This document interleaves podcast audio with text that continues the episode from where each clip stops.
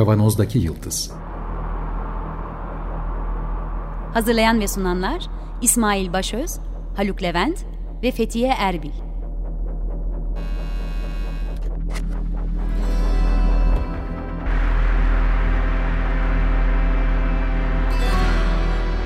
Bugünün penceresinden geleceğin ayak izleri. Merhabalar Açık Radyo'dayız. 95.0 Kavanoz'daki Yıldız programında sizlerle beraberiz yeniden. Geleceğin ayak izlerini sürmeye devam ediyoruz. Haluk burada. Merhaba.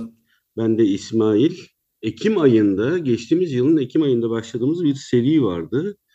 Teknofeodalizm e, bu isimde kitabını yayınlayan Yanis Varoufakis'in de ismini burada tekrar zikrederek teknofeodalizm alanına dolaylı olarak da değil mi Haluk e, geri evet. dönme halindeyiz. Zaten daha uzun süreceğini düşündüğümüz sohbetler zincirinin e, bir parçasını konuşacağız bugün. Haluk güzel bir kitap önerdi. Ben atlamıştım. Kaldı ki kitabın çevirmeni sevgili Tanıl Bora da kitabın henüz fark edilmediğine dair bir ne diyeyim serzenişini de söylemiş Haluk'a. Çetelerin Siyaseti. E, iletişim yayınlarından yayınlanan Kay Lindemann'ın kitabı. E, ben de henüz okuyamadım ama ön sözüne bakabildim sadece e, henüz. Bu kitabın üzerinden bir sohbet yapacağız. Bir küçük alıntıyla kitabın tanıtım sayfasındaki alıntıyla girmek istiyorum. Kitapta kullanılan çete kavramı dar anlamdaki kriminal çetelerle sınırlı değil. Yönetenlerin, emekçilerin oluşturduğu topluluklara belli bir sosyal koruma sunması karşılığında bir tür haraç gibi onların itaatini ve rızasını alan iktidar ağlarını anlatıyor. İtaate karşı korumanın devlet olmanın kadim ilkesi olduğunu hatırlatarak kapitalist sistemin bu çete ilişkisi içinde kurduğu ganimet cemaatleri sayesinde meşruiyetini sürdürebildiğini ortaya koyuyor.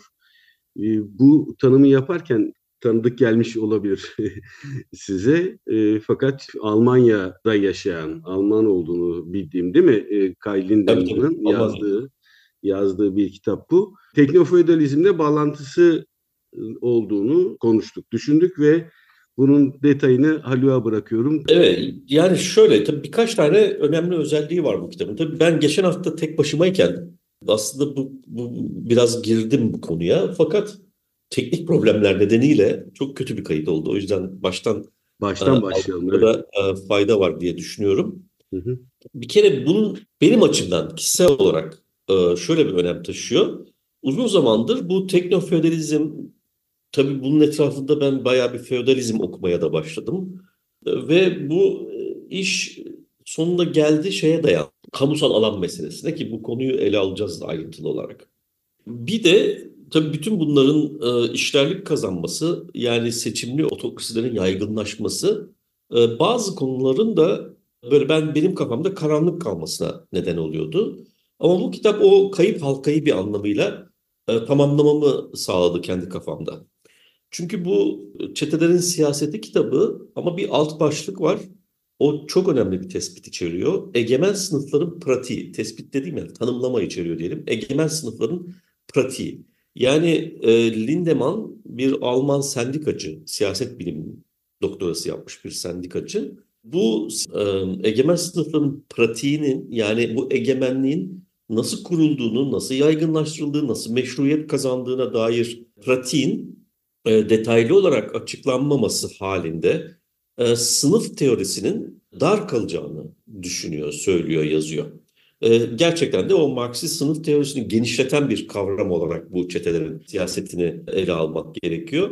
Çete kavramını ele almak gerekiyor. Kay Lindemann bu çete kavramını da aslına bakarsan şeyden Frankfurt okulundan devam ettiriyor. Yani ilk Frankfurt okulunun bu kavrama ihtiyaç duyduğu açık. Neden ihtiyaç duyuyor? Nazi toplumunu ya da Nazileri analiz ederken böyle bir kavrama ihtiyaç duyuyor. Çünkü Naziler de bilindiği gibi aslında belli bir toplumsal meşruiyet zemini üzerinden iktidarı ele geçirdiler ve ondan sonra yaygınlaştılar ve çok büyük kitlesel bir hareket haline de dönüştü. Bir rıza konsepti var burada evet, toplumsallığa dönüşmesinde.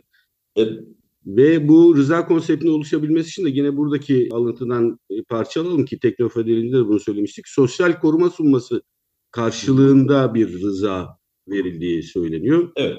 Bu rıza konsepti esasında tabii bu kitapta da ya da senin okuduğun kitabın arkasında yer alan tanımda da hani itaat karşılığında koruma e, dediği şey feodalizmde çok net vücut bulmuş bir şey. Bunu defalarca daha önce ele aldık aslında. Ama esas çok çok daha geniş bir geçmiş, daha uzun uzak bir geçmişe dayanıyor.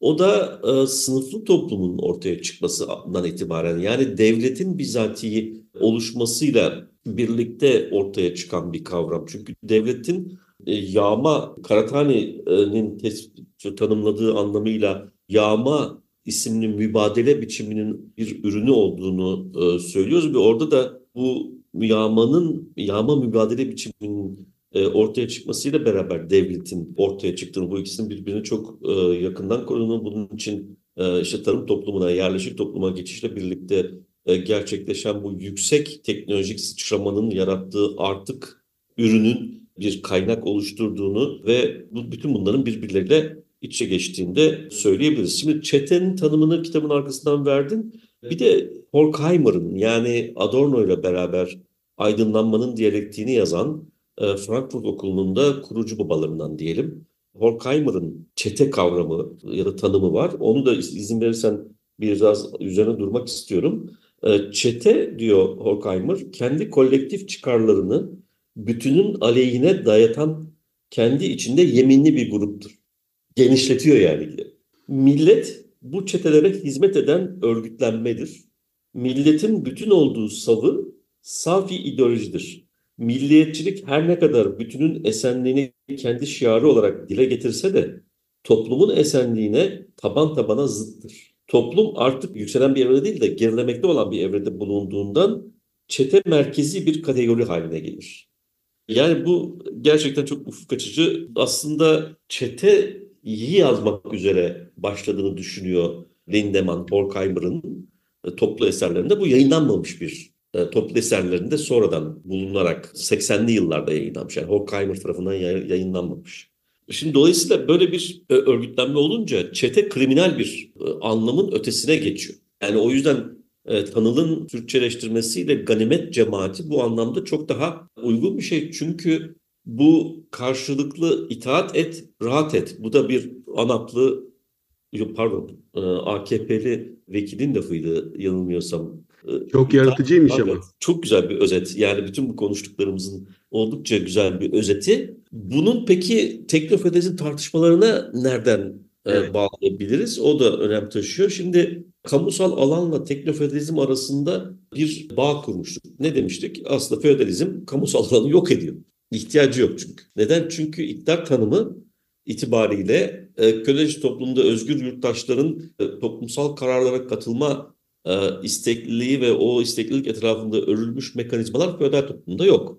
Ancak kapitalizmle birlikte ortaya çıkıyor. Dolayısıyla feodal toplum bu anlamıyla bir medeniyet kaybı gibi de görülebilir. Ve bu e, kamusal alandan vazgeçiş bir tamamen e, yüksek bir güvenlik paradigması etrafında gerçekleşen gönüllü olarak self olmayı tercih etmesiyle insanların. Niye? Çünkü hayatta kalmak için bir yerel küçük iktidar odağına sığınma ihtiyacı hissediyorlar. Yani o işte antikitenin çöküşüyle beraber yani Roma'nın e, esas itibariyle ama bütün o antik dünyanın çökmesiyle birlikte ortaya çıkan e, büyük bir gerileme var insanlık tarihinde. Ve bu gerilemeye eşlik eden e, barbarların diye tırnak içinde söylüyorum barbarları tabii. Kuzey Avrupa'dan özellikle güneye doğru Akdeniz'e doğru gelen e, saldırılar var ve bu saldırılar çok büyük bir yüzyıllar süren bir güvenlik problemi yaratıyor ve bu güvenlik probleminde insanların ayakta kalabilmesi için işte bir görece daha güvende olabileceklerini düşündükleri iktidar odaklarına sığınıyorlar. Ve bu sığınmanın bedeli itaat etmek. O itaat de self olmayı gerektiren bir itaat. E, bunun üzerine kurulan bir şeyden bahsediyoruz. Bu Avrupa'nın e, Orta Çağ öncesi e, ya da Karanlık Çağ denen dönemleri, birinci yıllarında başlayan süreçten bahsediyorsun. Türkiye'de de bir miktar benzeyen ağalık ilişkisi, ağ ve e, ne bileyim topraklarını işleyen insanlar ilişkisi gibi bir şey. Yani itaat karşında koruma ama e, belirtmek istiyorum sen kamusal alandan çekilme lafını söylerken benim anladığım şu bu birlikteliğin, bu komünitenin yönetimi ya da birlikte oluşturacakları bir dilden vazgeçip tepedeki kişiye bırakmaları. Değil mi? Yani kamusal alan dediğimiz Evet. İtaat. Yani çete, bir... çete içinde böyle gerçekleşiyor. Hı hı, hı. Yani kamusal alandan çekildiği yer söz söylemeye ihtiyaç da duymuyor aslında. İrade yok yani. Çekildi. İradeden vazgeçiyor. Heh. Yani antik dünyadaki köle gibi olmayı tercih ediyor. Ama burada küçük iktidar odakları var ve bunlar sürekli birbirine çatışma halindeler. Teknofeodalizmle yani, bağlantısına geçiyorduk tekno grubuyla. Evet. Şimdi teknofeodalizmde bu kamusal alanın ortadan kalmak, kalkmakta olduğunu da e, görüyoruz. Niye? Çünkü rant temelli bir toplum oluşmaya başladı. Buradaki gibi. Yani kapitalizme özgü sermayenin ve meta ekonomisinin etrafında oluşan bir ilişki varlığını koruyor ama artık o da dönüşmeye başladı. Yani sermayenin kendisi de bizatihi rant üreten bir e, mekanizma, bir araç haline e, dönüşmeye başladı. İşte mesela çip üretimini falan düşünecek olursanız e, ya da benzeri üretimleri bu bir fiziki üretim e, maliyeti bir dolar civarında, bir doların belki altında çoğu yerde. Ama satış fiyatları birkaç yüz dolarları buluyor. Belki bazı özellikle çiplerde bin dolarları buluyor. Dolayısıyla burada bir büyük ranttan bahsediyoruz artık. Bu rantın gerekçesi olarak bunun uzun da duymuştuk, durmuştuk üzerinde. O yüzden pas geçiyorum ama e, kısa geçiyorum daha doğrusu. Bu rantın temeli de ARGE yapıyoruz, inovasyon yapıyoruz bilmem ne falan filan gibi e, gerekçeler ki doğru olmayan e, gerekçeler. Esas mesele bu. Yani finans sektöründe ortaya çıkan rant, imar rantları falan filan gibi kamusal karar süreçlerinin biz neredeyse tümü Türkiye'de bu anlamda çok iyi bir çıplak olarak her şeyi gözlemleyebildiğimiz bir örnek olduğu için önem taşıyor. E, kamusal karar süreçlerinin tamamı bir rant meka üreten mekanizma haline dönüştü. O kadar ki adalet bile e, o hale döndü. Değil mi? Sonuçta paranı verdiğin zaman kararı istediğin gibi çıkartabiliyorsun ve bunun için örgütlenmiş çeteler var adalet içerisinde. Yoktur herhalde ya. Ee, dedikodu diyelim. Dedikodu diyelim tabii. ee, sonuç itibariyle bu rant normal kapitalist işleyişteki işte ücretli, karlı bilmem ne falan gibi oradan elde edilen fonksiyonel gelirlerin üstüne çıkmaya başladı finansal piyasaların işlem hacmini düşün, işte coin piyasalarını düşün, bilmem e, bu tür e, rant üreten kamusal kararları düşün, işte imar rantları, şunları bunları falan hepsini dikkate aldığın zaman bunların toplamı şey ve kapitalizmde ana akım kap, e, iktisatta da vardır bu. Kapitalizmin kendisi de zaten e, tamamen bu iş üzerine bunu dışsallık olarak görür, negatif dışsallık olarak görür ve bunu ortadan kaldırmak için ölçülebilir kılıp çeşitli müdahalelerle bu rantları geri, topluma geri kazandırmaya çalışır. Yani daha doğrusu kamuya geri kazandırmaya çalışır. Dolayısıyla aslında rant ile kapitalizm örtüşen şeyler değil. Rant büyümeye başladığı zaman burayı çözüyor. E, teknoloji bu anlamda çok e, güçlü bir motivasyon yarattığı için ya da güçlü bir araç olarak önümüze çıktığı için çünkü sonuçta orada da işte bilimle teknoloji arasındaki asimetrik bağ rantın asli kaynaklarından bir tanesini oluşturuyor. E o zaman işte dipten gelen bir dalga olarak toplumsal ilişkileri bozan, çözen ve dönüştüren bir hale e, geliyor. Bir mutasyondan bahsediyoruz ve mutasyon kanserojen bir mutasyon. Evet. E, üç ay önce konuşmuştuk. Tekno, teknofeodalizmi bir seri yapmıştık orada. Dileyen daha detaylı olarak oraya da dönebilir tekrar ama birkaç cümleyle neden teknofeodalizmi tekrar bir hatırlatalım bu ilk defa bu programa da tanık olanlar için lütfen Haluk.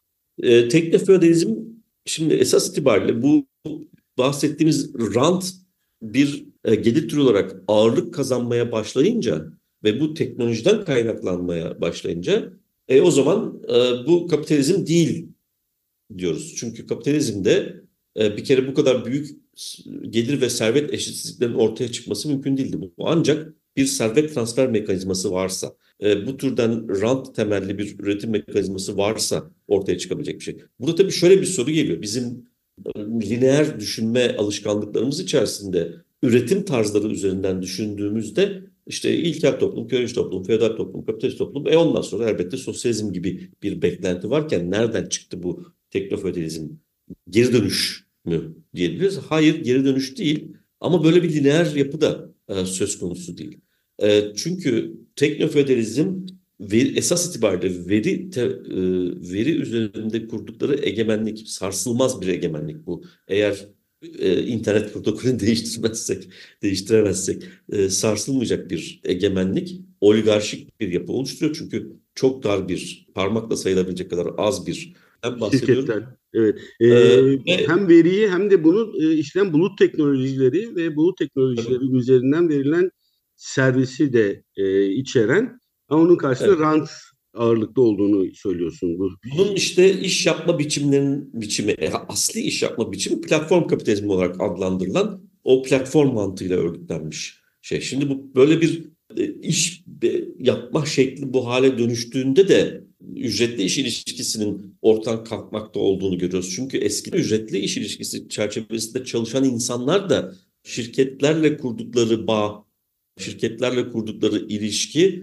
ücretli iş ilişkisi olmaktan çıkıyor. Onlara diyorlar ki işte mesela bu şeyde çok yakından gördük bunu. Kuryelerde değil mi siz ya bir şahıs şirketi kurun ya da başka türlü bir şirket kurun. Ee, biz sizinle sözleşme imzalayalım ve bu çerçevede bir ödeme yapalım. Böylece ücretli iş ilişkisinde toplumsal mücadelelerin yüzyıllar süren toplumsal mücadelelerle kazanılmış bütün sosyal haklar falan bir kalemde ortadan kalkmış oldu ve iyice atomize bir çalışan kesim ortaya çıkmış oldu. Yani ücretliler de esnafa dönüşmeye başladılar bir anlamıyla platformda. E, bunun bir üstü onları çalıştıran şirketler de o platformlarda yani bir tür AVM, dijital AVM gibi e, görülebilecek o platformlarda iş yapmak zorunda kalmaya başladılar. E, tüketici tercihlerinin yönlendirmelerinin sonucunda. E, dolayısıyla orada da böyle bir katmanlı hiyerarşik ilişki ortaya çıkmaya başladı. O AVM'lerin de aslında tepesinde bütün veriyi kontrol eden oligarşik yapılar oluşmaya başladı. Dolayısıyla bu katmanlı e, hiyerarşik yapı da zaten tipik olarak feodalizmin görüntüsü. O bakımdan işte teknolojik zemin üzerinde gelişmiş bir feodal ilişkiler ağı gibi düşünebiliriz. Evet, çetelerin siyasetine ha. benzerlik kuracaktık. Son 10 dakikamızı onunla. evet, şimdi çetelerin siyasetinin önemi bu egemenliğin e, meşruiyetini sağlar. Çünkü sonuç itibariyle bir de hep üzerine durduğumuz başka bir konu daha vardı. İşte teknolojiye hakim olmak, teknolojiyi hatta bırak üretmeyi kullanan birisi olabilmek için dahi bazı vasıflara sahip olmak gerekiyor. İşte yumuşak beceriler dediğimiz soft skill adıyla anılan beceriler dediğimiz işte nedir bu analitik düşünme, eleştirel düşünme, ondan sonra problem çözme e, falan gibi 17-18 tane bu tür yetenekten bahsediyoruz. Ama bunları kazanmaya başlayınca insanların içinde bulundukları toplumsal düzeni sorgulama yetenekleri de yükseliyor. Şimdi bu da bir e, haliyle meşru, meşruiyet zeminini e, kaydıran, dağıtan bir e, hale gelmeye başlıyor. Çünkü bu egemenlik ilişkisini sorgulamaya başlıyor. İşte orada e, bu medeniyet kaybına da neden olabilecek bir şekilde irrasyonelitenin, işte e, seküler dinler dahil olmak üzere e, bu tür metafizik yaklaşımların e, fışkırdığı, dolayısıyla bir, tabii yine çok uzun üzerinde durduk birkaç defa e, döne döne üzerine durduğumuz gerçeklik ve sahte gerçeklik meseleleri, bütün bunlar aslında işte bu e, pratiğin nasıl ortaya çıktığını gösteriyor. Çünkü bu bu bu zeminler, bu araçlar insanları küçük cemaatler halinde örgütlenmeye doğru getirdi. Yani herhangi bir kimlik etrafında. Çünkü sonuç itibariyle bu kamusal alanın zirvesi kamusal karar süreçlerine katılımsa bu katılımın doğrudan gerçekleştiği alan siyaset. E, siyasetin de ortadan kalkmasına neden olacak ölçüde kutuplaşma ve işte bu ganimet cemaati diye adlandırdığımız e, cemaatler e, ortaya çıkmaya başladı. Artık kendisini bazı kesişimsellikler olmakla birlikte e, bir, veya birden fazla cemaatin üyesi olarak insanlar ifade etmeye başladılar. Ve bu cemaatin üyesi olmak, bu cemaatte bir itaat ederek çıkar elde etmek e, temel iş haline dönüştü. Yani hep işte liyakat liyakat falan gibi tartışmalar ortaya çıkıyor. Bu, bu tartışmaların kökeninde bu dönüşüm var aslında. Çok Çünkü özür dilerim. Bu Türkiye'yi anlatıyormuşsun gibi geliyor ama Lindemann da bunlardan bahsediyor. Lindemann bundan bahsediyor tabii. Lindemann bundan bahsediyor. Çünkü o yüzden zaten bu kitabın e, önemli e, şeylerinden bir tanesi de bu. Bir şey söylüyor bize bir Türkiye sui generis kendine özgü bir şey değil. Hı hı, hı. Bunu altın çizmek için söyledim. Evet. İki, bu kitap Almanya'yı anlatıyor. O izleyiciler okurken görecekler hiçbir yabancılık çekmeyecekler. Üç, Almanya ile sınırlı değil. Küresel bir vakadan bahsediyoruz. Tabii bunun e, gazete Pencere'de bir, bir, iki üç ay önce bir ya daha doğrusu evet İsrail salgısından hemen önce başlayan demek ki Eylül, Ekim aylarında falan e, başlayan bir yazı dizisi kaleme almıştım. Anti siyaset çağı Anti siyaset çağı evet. Altı e, yazıdan oluşuyordu. Onun sonuncusu küresel bir düzen olarak kapitalizmin en yüksek aşaması Lenin'in e, lafına bir gönderme emperyalizm diyor Lenin. Ben de e, sosyal refah devleti e, diyordum. Yani sosyal refah devleti aslında bir e, cemaatler amalgamı.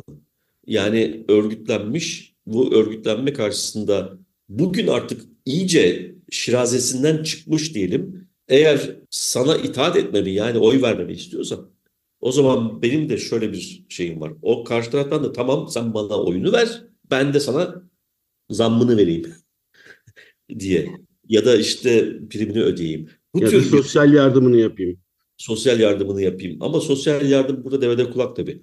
Ee, asıl büyük meseleler çeşitli kamu kurumlar, kamu kurumları özellikle içerisinde örgütlenmiş. Şirketlerin bizatihi kendileri de bu tür şekillerde çalışmaya başladılar zaten. Ee, yani herhangi bir iş alabilmek için bir ödeme yapman gerekiyor, bir itaat beyan etmen gerekiyor. Yani rüşvet versen de alamayacağın işler var.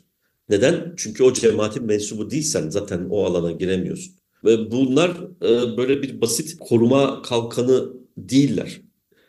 Egemenliğin ve bu egemenlik etrafında oluşan meşruiyetin temelini oluşturan e, kurumlar haline dönüştü çete. Yani çete, kriminal çetenin ötesine geçmesinin nedeni evet. de Demin söylediğin cemaat e, tanımını hani yanlış yere gitmesin Türkiye'deki yaygın kullanımıyla sadece bir, bir grup bir, bir, bildiğimiz anlamını kastetmiyorsun. Community Yok. dersek hani evet, topluluklar, evet, gruplar falan gibi dersek daha iyi yere oturacak. Çünkü dinsel içeriği var ya da yok işte bu bununla ilgili değil söylediğin olay anladığım kadarıyla. Yani. Değil ama bu yani bizim alışık olduğumuz topluluk yani toplumsal çıkarları ve sosyal fayda temelli çalışanlardan bahsetmiyoruz. Yani kendi kolektif çıkarlarını bütünün aleyhine dayatan diye bir ayrım var. Evet. Yani o zaman çete mertebesine çıkıyoruz. Bu bir tabii şeyi dışlamıyor, gangsterleri dışlamıyor.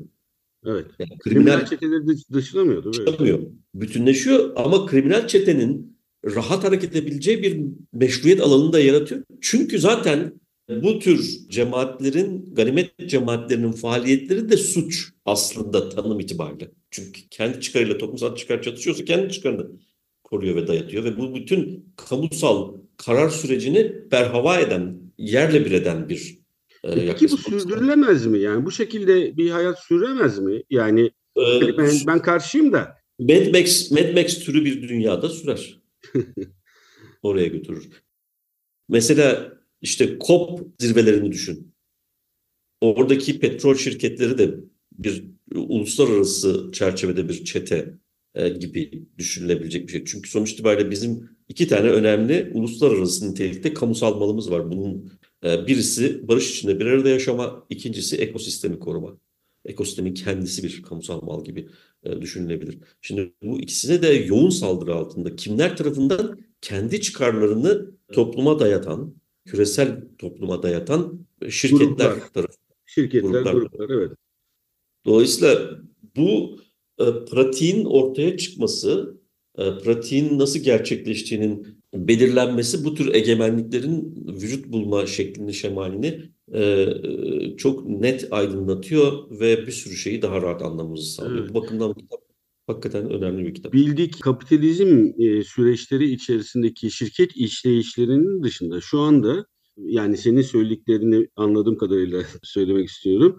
Şu anda şirketlerin devlet yönetimlerine de kuvvetle katılan, daha doğrusu kendini devlet yerine de koyan, kitapta da bu şekilde bahsediliyor bir miktar. Ve bunu yaparken de teknolojik süreçlerde özellikle rıza üretimi için teknoloji sürecini çok kuvvetle kullanan çeteler bizim daha çok ilgimizi çekiyor. Tabii ki bu, bu program bazında. Evet.